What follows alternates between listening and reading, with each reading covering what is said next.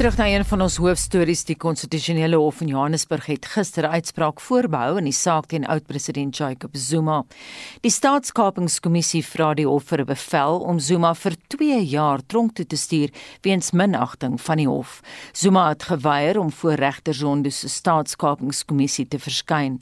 Ons praat ver oggend hieroor met professor Dirk Kotse van Unisa se departement politieke wetenskap. Môre Dirk. Goeiemôre Anita. En dan praat ons ook met die regskenner professor Llewellyn Kloos van die Universiteit van Pretoria. Goeiemôre Llewellyn. Goeiemôre Anita. Goeiemôre Dirk en almal wat inluister. Dirk, ons gaan nou by jou kyk uh, om met na jou toe kom oor die politieke vrae, maar ek wil eers stil staan oor die regsaspekte. Llewellyn, hoe lank kan 'n mens verwag dat die proses nou gaan neem voordat die hof 'n beslissing vel?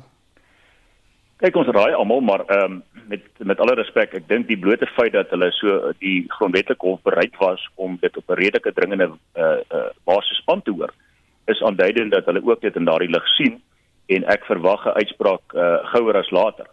Uh ons moet onthou dat die, die dit 'n ongeopeneerde aansoek was en uh dit op sigself beteken daar behoort nie 'n probleem te wees om 'n spoedige uitspraak te bewerkstellig nie. So ek vermoed ons gaan binne die volgende 2 weke of so behoort ons 'n aanduiding te kry wanneer die uitspraak dan sal volg.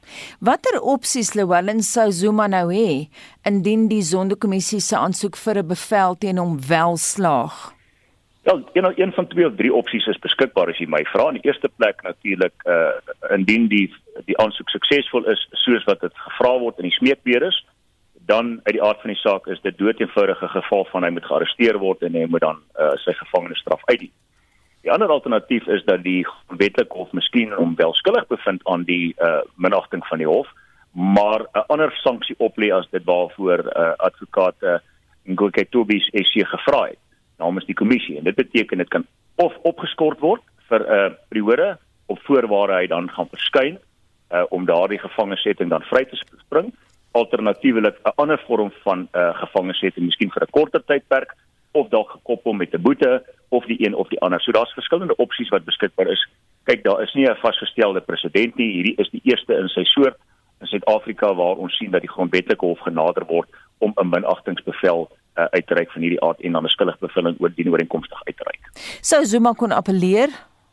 Nee, nee, nee. Ons is in die hoogste hof in Suid-Afrika daar is net dood eenvoudig nie nog 'n forum waarteen geappeleer kan word nie. En ek meen dit is juis een van die aspekte uh, of redes waarom die kommissie se leiers besluit het om daardie pad te volg, sodat daar nie verdere vertraging van een of ander aard bewerkstellig kan word as gevolg van ja 'n appelprosedure wat moontlik in die vooruitsig gestel kan word. So nee, dit is nie moontlik nie. Louwelen, ek gaan terugkom na jou toe later. Intussen Dirk, wat sou die politieke gevolge wees indien Jacob Zuma skotvry van sou afkom? Wel dit sal 'n groot refleksie wees op uh, verskeidenheid van groeperings, dit in die eerste instansie op die sondekommissie, uh eh, dat dan gesê gaan word wel daar is dan waarskynlik 'n soort van 'n politieke agenda te sprake dat daar onregverdig teen president Zuma opgetree is. Um en dat uh, die beweging wat nou besig is om om soort van sy voete te vind, die sogenaamde radikale ekonomiese transformasie of die koloniaalbeweging ehm um, dat hulle in 'n groot mate korrek was. Dit sou natuurlik vir mense soos president eh, Ramaphosa en sy ondersteuners sal dit 'n baie groot slag wees. Ehm um, in 'n baie wel baie moet terugsit in terme van hulle proses om 'n sterk houvas op die ANC te ontwikkel en ook hulle hele uh, narratief oor anti-korrupsie. Dink dit sou in alle opsigte sal dit baie sleg vir vir hulle wees. So Ek dink die, die uitspraak is dis 'n waterskeidings moment wat ons het in terme van die wie in 'n groot mate die die die die dominante posisie beklee in terme van die openbare gesprek um, en die openbare sentiment wat daar bestaan. En so gepraat van die openbare gesprek en die sentiment, baie belangrik om te weet dat Suid-Afrikaners hou hierdie met valkoe dop en dis 'n verkiesingsjaar dirk. Ja, dit is so. Ehm um, en ek ek dink die die groot vraag is uh wat is die verhouding tussen president Ramaphosa en Zuma? En tot tot watter mate gaan daar duidelikheid na vore kom, uh, meer duidelikheid vir die algemeen. Ek meen vir my is dit relatief duidelik, maar ek dink die meeste mense bespiegel nog in 'n groot mate of uh dink wat moontlike opsies kan wees as president Zuma en sy groepering meer dominant sou wees. Uh, uh, Magashule en ander en as hulle nie in die hof uiteindelik verskyn nie.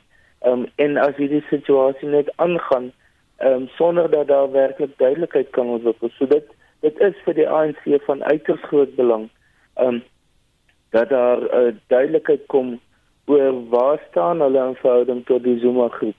Ehm um, nie seker in 'n in 'n in 'n magsverhouding nie, maar in terme van die status wat hulle het, die aansprake wat hulle in openbaar op die oomblik maak, die onsekerheid wat hulle wat hulle skep oor tot watter mate is dit wat die Sonderkommissie sê wat president Ramaphosa sê en ander is dit die dominante die geldende uh waardestelsel wat wat die ANC ondersteun. Daar's ook mense wat sê Dirk as president Ramaphosa kan verskyn, hoekom nie Zuma nie?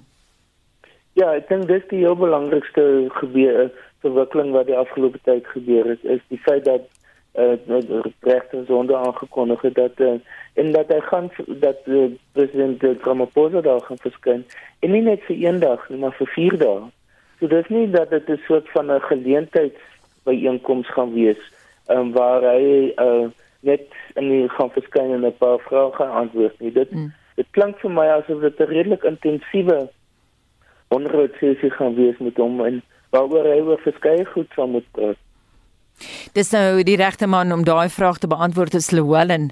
Wat kan ons verwag van daai soos wat Dirk dit stel intensiewe onderhoud sessie? Ja, uh, uit die aard van die saak uh, is daar 'n rede hoekom hy opgeroep word om te kom verskyn of hoekom hy namens die ANC of uh, wie ook al gaan verskyn. Uh, en dit is natuurlik om sy getuienis te toets teen daardie getuienis wat reeds uh, gelewer is uh, deur ander getuies op een of ander vlak gaan dit miskien te mekaar afgespeel word. Ek meen dit is tog uiteindelik uh, waar waarom jy verskyn en gevra word om te verduidelik uh, waarom sekere insidente plaasgevind het in die tyd toe jy daarin bewind was. Um, ek vermoed daar sal miskien 'n mate van kruisverhoor toegelaat word. Uh ons kan nie verwag dat dit op dieselfde vlak sal plaasvind as wat 'n mens in 'n regshof sou sien in 'n strafsaak byvoorbeeld. Uh byvoorbeeld nie. Ek kan nie dink dit kan gebeur nie. Uh dit is in elk geval nie die doel van 'n tribunaal soos 'n kommissie van ondersoek nie. Ehm um, maar ek wil net 'n ander aspek ook aanraak uh, wat jy miskien vroeër na verwys het. Jy weet hoekom moet Ramaphosa dalk verskyn en Zuma nie die verskyn nie. Ehm um, as mens kyk wat gister gebeur het in die grondwetlike hof, dan is dit duidelik dat die getuienisleiers wat geargumenteer het vir die kommissie gister doeteenvoudig die opmerking gemaak het dat hulle nie meer belangstel uh, op hierdie stadium om Zuma se getuienis voor die kommissie aangehoor te kry nie. Hulle wil nou doeteenvoudig net hê hy moet gestraf word sodat hy uh, as 'n voorbeeld kan geld vir wie ook al in die toekoms hierdie tipe van minagtende optrede uh hulle self van sou skuldig bevind. Ehm um, daar's letterlik die opmerking gemaak dat hy en van sy trawante probeer om kringe en draaie om die kommissie en die regsproses en die oppergesag van die reg uh, te probeer draf. En as 'n mens net kyk na die opwagting van onder andere Karl Neus gister en 'n en van die ander wat onder die boom gestaan het en probeer skuil teen die reën, mm. die 30 of hoeveel ook al daar was, Ehm um, ek meen daar is die opmerking gemaak deur die advokaat vir die kommissie dat uh, dit andersins sal ontaard in 'n sirkus die regsproses. Ehm um, en uh, ek wil my verstout om te sê, jy weet die uh, dit dit kan vergelyk word met 'n sirkus, maar as jy my vra, dan is die grootste aanswors jy skaal nie ons. Ehm um, jy weet uh, daardie opmerkinge wat gemaak word is platant ehm um, opportunisties en teen die skrydende reg. Ek meen dit is nie net 'n kwessie van vryheid van spraak nie hierdie is 'n geval van dat die regsproses beledig word deur die optrede van onder andere hy en miskien Zuma indirek ook. Dirk, wil jy aansluit daarbey? Ja, ek ek sê moontlik besien dan moet sê, maar miskien om die punt verder te neem rondom president Ramaphosa se verskyning. Um, dit vat my in 'n mate terug na die middel 1990s toe president Mandela verskyn het in South wat by die wat die traktieraad by betrokke was en wat hy een van die getuies was. Ehm um, en dit dit dit staan vandag nog uit as een van die uitsonderlike sake waar president bereid was om as in in 'n hofsaak direk betrokke te raak as 'n as 'n getuie. Ek dink hierdie is iets soortgelyks. I mean die die feit dat president Ramaphosa bereid is om uh, voor die kommissie te verskyn en dit sal nie noodwendig vir 'n gemaklike situasie wees nie want hy gaan waarskynlik moet praat oor sy tyd wat hy adjunkt president was onder president Zuma en moet moet aan moet verduidelik wat wat plaasgevind in byvoorbeeld kabinetsvergaderings of uh, nasionale uitvoerende komitee vergaderings is oor hierdie verskillende goed gepraat of nie wie moet aanspreeklikheid neem vir die probleme in die staatsondernemings Eskom, SAL en ander. En ek weet nie of hulle gaan praat oor sy verkiesingsgeld tog van 2017 die geld wat daarbey betrokke is, mm. die sogenaamde CR17 nie. Maar dit is dit beteken dat hy dis onvoorstelbaar vir hom en as met sy status as nasionale president is hy steeds bereid om dit te doen en dit beteken dat hy sê vir almal dat ons is almal gelyk voor die reg en dit sal dan dus president Zuma ook insluit. So sy voorbeeld word in 'n in 'n outomaat um, outomaties voorgestel as 'n meenwysing na president Zuma se optrede waar hy sy aansprake as in sy status eintlik probeer gebruik om te sê ek is verhewe bo, bo die reg en verhouding tot die ander die die res van ons die die res van die burgers van Suid-Afrika. So dan dis dis na my mening die belangrike politieke simboliek of politieke betekenis wat hier nou te sprake is. Lewellen weer regstegnies indien 'n vonnis nou opgelê word, dink jy die 2 jaar aanbeveling deur die Sonderkommissie is vanuit 'n regsoogpunt die korrekte vonnis? Die kommissie se regsverteenwoordiger, jy het nou nou naam verwys, hy beveel jy stronkstraf aan en nie 'n boete nie. Hy was baie spesifiek daaroor. Ja, hy het, hy het intedeel ge, gesê dat juis enige ander straf behalwe die direkte tronkstraf uh, 'n verkeerde boodskap sou uitstuur. En, en dit sluit in 'n opgeskorte vonnis of 'n deels opgeskorte vonnis of die alternatief van 'n boete. Ehm um, so ek kan baie duidelik verstaan waar daardie sentimente en argumente en submissies vandaan kom, maar ek moet by sê uh dit sal 'n ongekende presedent daarstel want in die afgelope dekades in ons regspresidente uh kon ek nie een saak optel waar in 'n soortgelyke so swaar straf van direkte tronkstraf opgelê is vir minnigting van die hof in sulke omstandighede nie. So dit is 'n eie soortige saak maar ek kan verstaan waar die kommissie vandaan kom. Uh inteendeel het hy so ver gegaan om te sê dat daar ook 'n uh, by by by bykomstige uh strafsanksie in die vorm van 'n spesiale kostebevel toegestaan moet word teen Zuma. En daar was ook hierdie debat gewees tussen hom en en regter Tron byvoorbeeld om te sê maar omdat hy nie opponerende stukke gelees het nie, um, is dit ook nie uh normaal normaalweg so dat 'n hof dan 'n penaliserende kostebevel teen die een dat te gaan sal uh, uitreik wat nie deelgeneem het aan die verrigtinge nie. Maar toe het hy dit ook gesê namens die kommissie om te sê maar die blote feit dat hy ook nie eers die moeite gedoen het om op die 8de Maart sy opponerende stukke indien hy wou opponeer gelees het nie. Is 'n verdere blaatante minagting van die hof of aanduidend daarvan en daar is definitief 'n argument daarvoor uit te maak. So ek kan my goed indink dat daar 'n skuldigbevindings sal kom ek kan my dink dat daar 'n definitief 'n swaarder as normaalweg straf opgelees sal word of dit direkte tronkstraf van tot die 2 jaar gaan wees. Dit is is argumenteerbaar. Ek dink iets minder as dit sou ook gepas wees. Ehm um, maar uh, dat 'n kostebevel 'n spesiale finaliserende kostebevel uitgereik kan word ek kan nie sien dit gebeur nie. Miskien die normale kostebevel wat ons normaalweg in 'n howe uh, uh, sal sien wanneer een van die partye aan die verloorkant is. Baie dankie. Hooplik oor 2 weke is alles afgehandel dan praat ons weer met julle.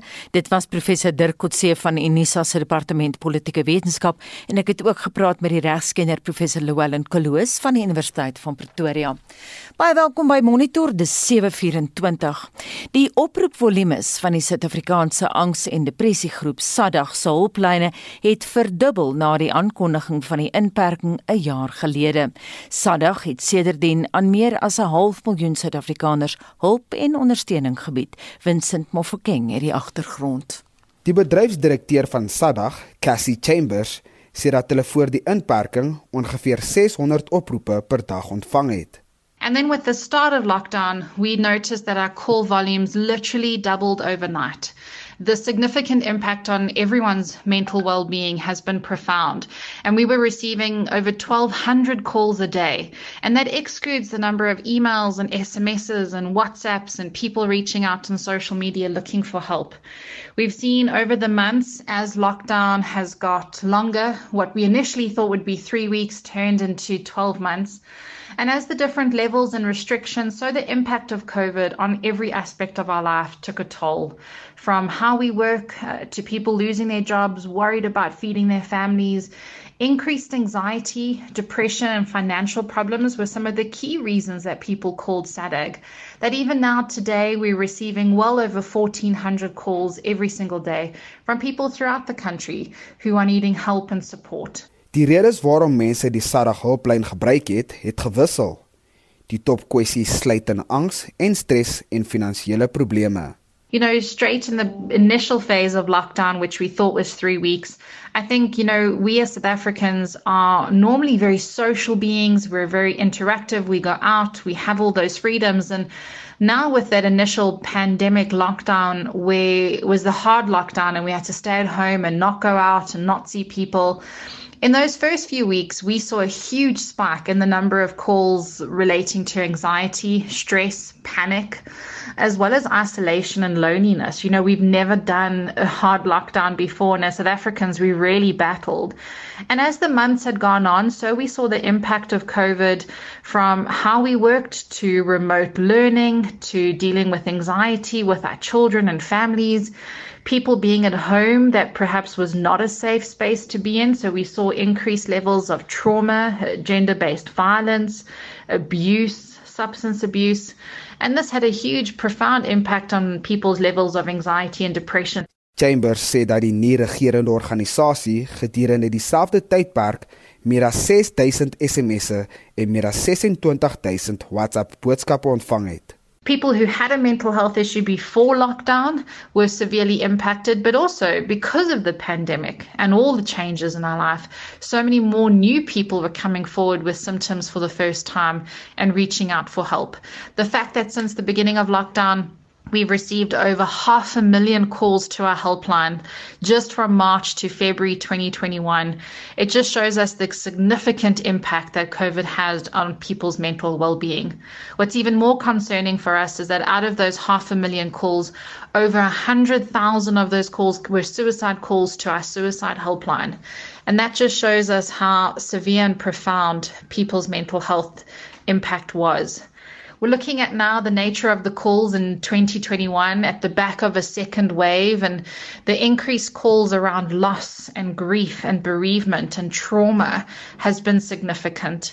And there's a lot of people who have had a very rough and very difficult start to 2021. Chambers sê dat vroue die grootste deel van die oproepe na hulplyne uitmaak. Vroue vaar beter om vir hulself hulp te soek en namens 'n geliefde te bel. Looking at a year back, I think a lot of people are dealing with pandemic fatigue, emotional burnout, emotional exhaustion. And I think now is more important, more than ever, to really focus on our mental well being and doing things every day to look after ourselves, some mental health self care, uh, and finding ways to fill our cup and to recoup our energy so that we can deal with the next leg of the wave. And for those that are, not able to or finding it difficult to manage and to cope or have some symptoms of anxiety and depression, is, is not to wait not to think that it will go away overnight, but rather now more than ever is to reach out for help and speak to someone, building that social support circle, reaching out for help, whether it's through SADAG or mental health resources or support networks in your community. Talk to someone. I think the biggest thing to come out of COVID in the last year is that it's okay not to be okay, but also to remember that there is help. That was Cassie Chambers. Die uitvoerende direkteur van SADAG, Vincent Mufokeng, vir SAK nuus. Heinrich sit geduldig en wag vir Anne Marie om klaar te maak sodat hy vir ons kan sê wat sê ons luisteraars is dit interessant. Uh, inderdaad Anita maar dalk net vir jou um, sal dit interessant wees om te weet dat jou onderhoud met professor Albie Hanning as ek dit reg het oor wiskunde het veel belangstelling uitgelok en daar is luisteraars wat vra of dit um, agterna beskikbaar sal wees. Ek neem aan dit sal op pot gooi. Ja, die hele program word na die tyd op pot gooi. Elke dag word die hele monitor op pot gooi gelaai. So jy volg die skakels en dan gaan jy na die tyd wanneer die onderhoud uitgesaai is. rsg.co.za. En dan terugvoer oor ons onderwerp vanoggend, presies 'n jaar nadat die eerste inperkings of COVID-inperkingsregulasies ingestel is, wil ons weet of jy hierdie keer planne het vir Paasnaweek omdat jy laas jaar dit nie kon doen nie.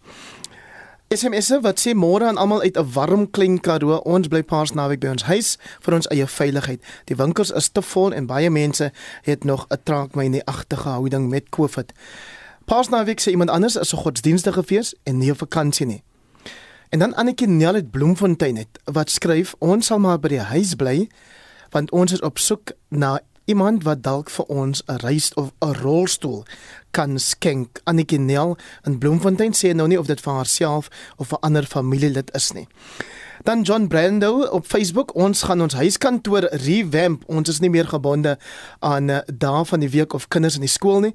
Ons ry buite seisoene en lang naweke rond. Pas naweek reken John as in elk geval overrated soos wat hy dit stel en net nog lastige vakansie daar. En Kilian sê ook paas naweek bly ons tuis. Wat ek graag wil weet is wat die regering gaan doen as die skole sluit. En dan Ilse Groenewald wat sê ons gaan na haar stranddiens toe Sondagoggend met sonsopkoms. Ons sien so uit daarna. Ons Skepper leef. Jalsiekerstein Pieter sê ons het verlede jaar paas naweek vir my 60ste verjaardag gaan kamp het, maar het dit toe aangeskuif na Desember en toe weer uitgestel na hierdie paas naweek en ons hoop ons kan uiteindelik hierdie keer gaan kamp. En dan Johan Botha sê ek het nie 'n plan nie. Ek het 'n dop en 'n chop en slide. Jammer vir die manne met planne, maar ons het nog niks gehoor van die president nie, so ons wag maar eers dan sal ons werklik planne kan maak. Ongelukkig is daar diegene wat net in April kan verlof neem. En dan Daniel Beer wat sê ons gaan as 'n groep voor die tyd in 'n gebied sonder selfoonopvangskamp. So ons gaan van niks weet as daar in elk geval 'n strenger um, inperking ingestel word nie. En dan sê hy so te jal met hulle, maar dit is eintlik 'n baie erger woord wat hy gebruik het Anita. 'n Mens wil tog 'n beroep doen op die luisteraars wat vir ons SMS'e stuur om maar te bly by ordentlike taal gebruik want dit hmm. is iets wat my opval elke keer dat mense dink dis maar in die hak om in 'n taal wat jy eintlik maar jy weet iewers in 'n buiteverbruik moet gebruik um ook op die SMS SMS lyn te stuur. So Stuur vir ons jou SMS na 45889 teen R1.50 elk of gesels saam op ons Monitor en, en Spectrum Facebook bladsy en dan kan jy ook vir ons 'n stemnota stuur waarvan ek 'n paar sal speel net nou 0765366961 Ja, dit is baie lekker om daai gevloekery te lees nie. Ek moet saamstem met jou. Maar interessant, ons weet natuurlik wie die luisteraars is wat daai wat daai vloekery aanstuur want ons kan sien wat hulle telefoonnommers is. 737 ons gaan na die sportveld en praat nou met Pieter van der Berg. Môre Pieter. Môre Anita. Kom ons begin by die naweek. RSG gaan nou gereelde regstreekse verslae uitsaai van die voorbereidingsrugbyreeks se wedstryde. Gee vir ons die rugby bepalinge asseblief Pieter.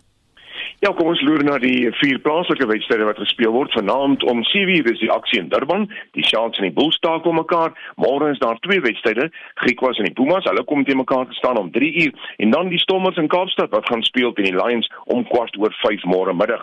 En dan Sondag is daar nog 'n wedstryd, die Cheetahs wat uh, om 3:00 in Bloemfontein speel teen die OP Olifante.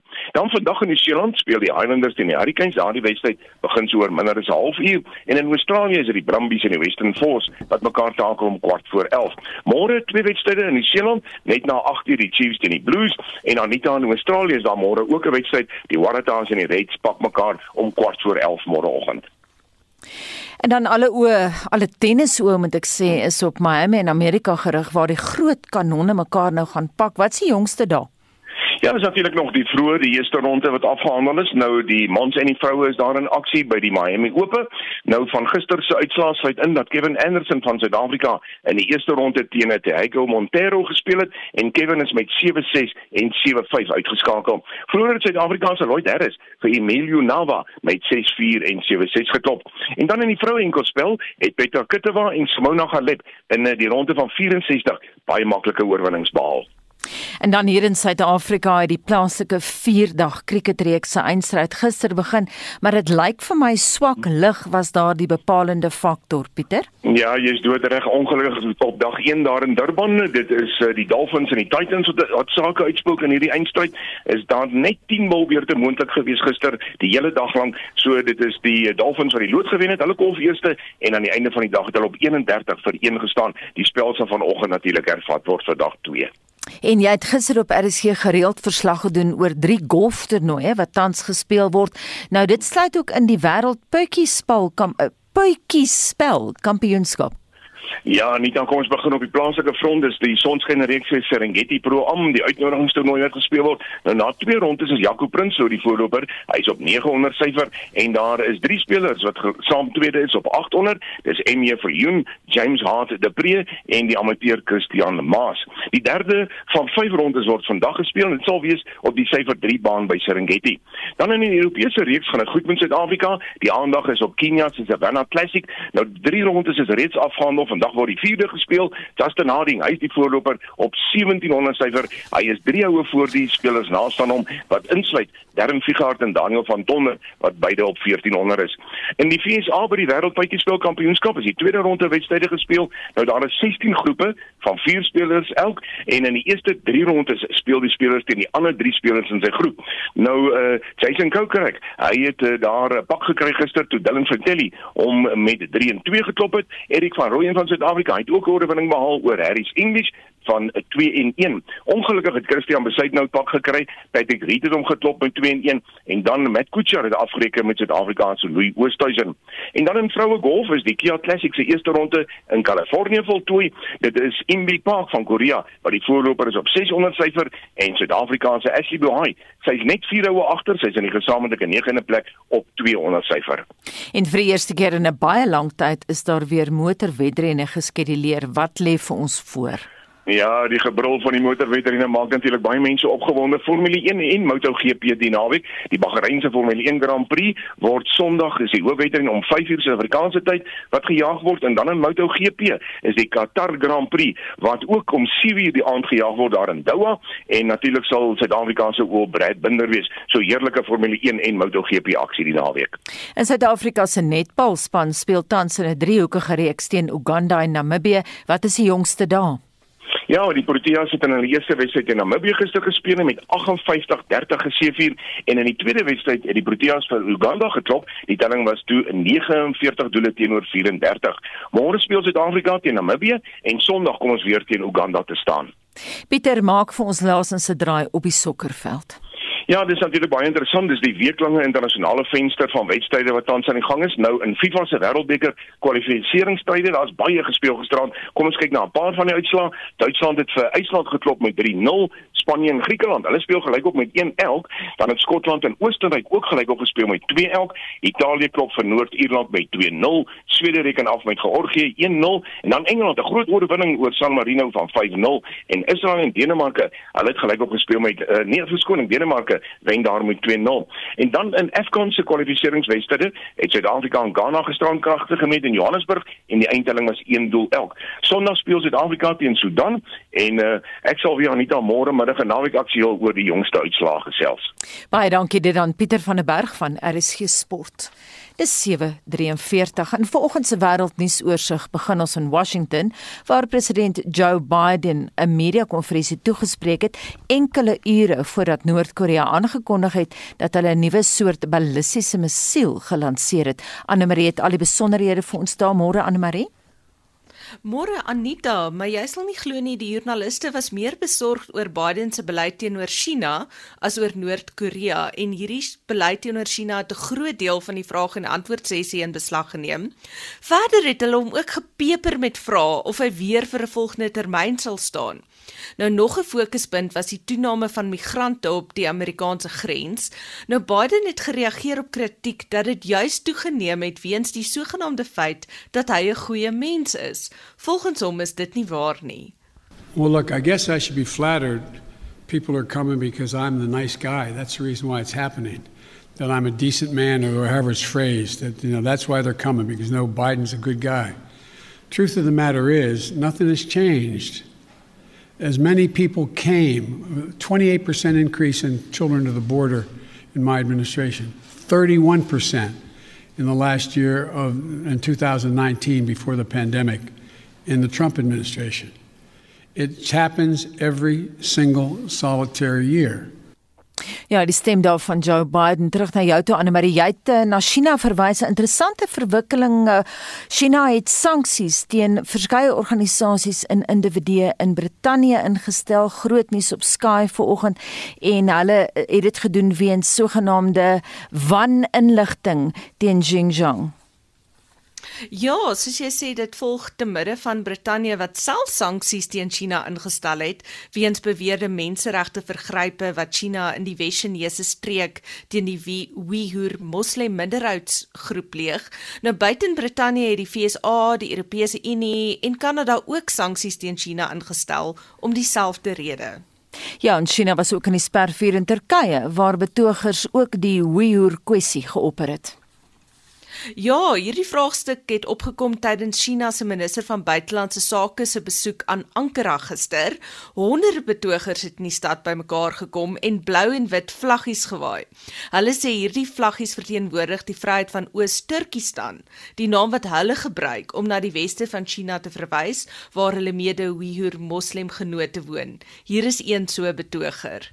We are here because of the freedom of Eastern Turkestan for asking Chinese government to close the camps, stop genocide against Uyghurs.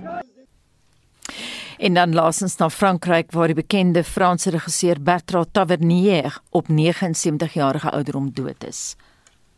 Tavernier was veral bekend Anita vir sy rolprente uit die 70er en 80er jare soos The Clockmaker, Round Midnight en Life and Nothing But. Maar hy het weer in 2009 aandag getrek met sy Amerikaanse fliek Electric Mist waarin Tommy Lee Jones en John Goodman gespeel het. En dit was Anne Marie met wêreldnuus gebeure. Lisa Lou wil dra van die Instituut vir Sekuriteitsstudies in Pretoria, meen die pas uitgetrede leier van Niger, Mamadou Issoufou, is alsbehalwe 'n meriete keuse vir vanjaar se Mou Ibrahim Prys. Die prys beloon goeie leierskap in Afrika en beteken 'n royale 5 miljoen Amerikaanse dollar in die sak, wat dit meer werd maak as die Nobelprys. Heinrich Weingart het Lou wil dra gevra hoekom die prys sedert die bekendstelling daarvan in 2006 meer male nie toegekend is nie. Dit was 'n baie interessante inisiatief aan die begin dink ek. En die feit dat soveel keer is soveel jare verbygegaan en dat daar nie pryse toegekend is omdat Mou Ibrahim net eenvoudig gesê het ons het nie goeie kandidate nie dit het definitief die prys onder my. Mense het begin wonder het hy genoeg geld om die prys uit te deel of weet wat is die probleem? Daar is wel staatshoofde wat mens self kon dink sou die prys kon verdien. John Kufuor in Ghana of selfs oud president Mbeki. Ek meen benewens vigs en uh, Zimbabwe en so aan is daar tog positiewe dinge wat hy gedoen veral in terme van die res van die Afrika kontinent. Wat is dit wat maak dat ons sedert 2015 min of meer 13 Afrika leiers gesien het wat op een of ander manier probeer het om hulle uittrede te verleng of te systap? Dit is 'n baie goeie vraag want dit is nou die teendeel en uh, wat Mo Ibrahim probeer verhoed het en juis verlede jaar se prys aan Mamadou Issoufou dink ek is hoofsaaklik omdat hy anders as meeste van sy bure aanvaar het om uit te tree en uh, demokratiese verkiesings dan nou te organiseer. Dit is maar mag. Jy weet reg oor die wêreld waar daar swak demokratiese stelsels is, het ons vergrype soos dit. Dit is selfs nie eers 'n Afrika fenomeen nie. Maar reg oor die kontinent waar die grondwet verander sodat uh, leiers van 'n derde, vierde ons nou gesien het die afgelope Sondag was uh, weer eens 'n verkiesing vir Kongo Brazzaville se uh, Denis Sassou Nguesso wat nou al 36 jaar al in bewind is. So dit dit gaan maar net vasklou aan mag en dan wanneer jy nie 'n sterk media vryheid het nie, wanneer jy nie hoewe het wat onafhanklik is nie, wanneer verkiesings nie vry en regverdig is nie, dan is dit so maklik om net 'n referendum te hou en te sê o, ons het nou die grondwet verander sodat die president nog 'n termyn kan bly. En selfs in lande waar dit mense nie eers sou verwag nie soos in die voorkes het ons nou 'n uh, president Alassane Ouattara wat vir 'n derde termyn nou onlangs verkies is. Ek meen daar's Chad, daar's Rwanda, soos ek gesê het, daar's nou die Republiek van die Kongo en ander plekke hoef jy nie eers die grondwet te verander om langer aan te bly nie soos in Uganda, Togo, Kameroen en so ons sê die grond het die grondwet eenvoudig geen beperkings op die aantal termyne wat 'n staatshoof dan hoef aan te bly nie. Jy het nou verwys na die voormalige president van Niger, Isovo, mm. en daar word ook vrae gevra oor die meriete van sy ontvangs van die prys omdat hy ook bekend was daarvoor dat hy die oppositie in sy land onderdruk het. Mamadou Issoufou is 'n swak leier. Ek dink daar kan regtig niks positief van hom gesê word behalwe vir die feit dat hy nou uittreë nie. Ek was in Niger 2 jaar terug, ja, in in 2019. Die land is op sy knie. Daar is die mees ongelooflike armoede. Die terreuraanvalle het vir 3 vir 4 dubbel onder Mamadou Issoufou. Dit is nou nie heeltemal alleen sy skuld nie. Die islamitiese ekstremiste groepe dit spoel maar oor van Mali, Burkina Faso en so aan. Maar jy kan definitief nie sê daar's enigiets positief wat hy kon gedoen het om om mense net eenvoudig veilig te hou nie. Dan die kwessie van die verkiesings. Ek meen in die 2016 verkiesing was die vernaamste posisiekandidaat in die tronk. Wat dink jy van die uitlating deur die voorsteur van die keurkomitee oud-president Festus Mogae van Botswana wat sê 'n saad is nou geplant wat die mense van Niger sal aanmoedig om in die toekoms meer van 'n leiers te verwag. Wel ek hoop so.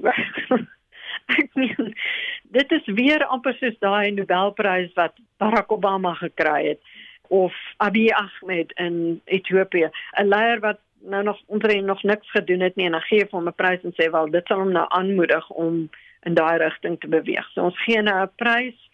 Ehm um, die mense van Niger is kan niks aan doen nie, weet hulle is die slagoffers van korrupsie en onderontwikkeling en nou grootskaalse terreur, jy weet, so wie sal dit dan nou aanmoedig? Maar moet die Isofus se opvolger miskien. Maar ek dink jy ons kan nie daar staat maak. Dis nie genoeg rede om dan nou so 'n prys toe te ken nie. Dink jy daar is genoeg rede om voort te gaan met so 'n prys? Dit miskien eerder 'n soort van 'n Afrika Nobelprys wees waar nie net leiers nie, maar ook nie regeringsorganisasies, oppositiegroepe waar miskien daai geld toegeken word aan mense wat regtig baie opgeoffer het vir demokrasie wat bemiddeling doen, wat vrede maak, maar nie noodwendig 'n uh, staatshoof dan nie. Dit dan Liesel Lou wil dra van die Instituut vir Sekuriteitsstudies in Pretoria in gesprek met Heinrich Weingart. CB51 Leon het pas hier ingeloop en hom sit gemaak in die ateljee oorkant my. Een van die hoogtepunte. Stil sit gemaak stil sit gemaak. Een van die hoogtepunte van ons albei se week. Kom ons begin met die dokumentêr Allen versus Pharaoh. Wat het gebeur tussen Woody Allen en Mia Farrow in daai skandaal wat nou al dekades lank voortduur? Van ons volg dit ten nouste, maar nie almal doen nie. Gee die dokumentêr antwoorde oor wat daar gebeur het. Anita, wat's die antwoord regtig op die voortsleepende hofsaake en kindermolestering aanklagte teen Woody Allen uit die Mia Farrow kamp? Dat niemand regtig weet presies wat gebeur het nie en net gedurig na aanklagte en moddergooiery luister in die dokumentêr. Allen wie Farrow wys sake hoofsaaklik uit die Farrow perspektief, omdat Woody natuurlik weier om met die pers te praat behalwe om die aanklagte kortliks te ontken. Mens hoor net soms kwinkslaaf eenlyners vir hom. Ek is tans besig met Ellen se biografie om sy kant van die saak te hoor, apropos or nothing, maar dit bly 'n heksebrousel van verwyte en erotiese woede soos net Ellen kan gee. Kan jy nou dink Ellen wat altyd sulke bleek siele speel, hoe hy hoe hy uh, voor 'n kamera optree sy gevra word of hy skuldig is. Hy word daarvan verdink dat hy Farrow se dogter Dylan seksueel gemolesteer het toe sy 7 was, wat hy ontken. Mia is ook vies omdat Ellen met haar aangenome dogter Soonji Preven getrou het. Hulle het reeds twee kinders en ek dink 25 jaar getroud. Ellen V Farrow se boeiende dokumentêr, maar soms baie insydig en herhalend. 'n Saak het altyd twee kante, al is die ander kant ongewild en skuldig. En 'n dokkie moet albei kante wys, want hierdie een gee nie eintlik nuwe inligting nie. Kyk maar self wat jy van Ellen V Farrow dink 7 uit 10. En dan wys daar tans 'n reeks wat gaan oor gruwelmoorde in 'n bos, The Woods kan 'n mens in daai bos verdwaal. ek moet net eers sê dat Ellen V Ferro op Showmax is, né, as jy daarna soek. The Woods laat mense vraat kyk. Dit gaan oor wie het die moorde gepleeg.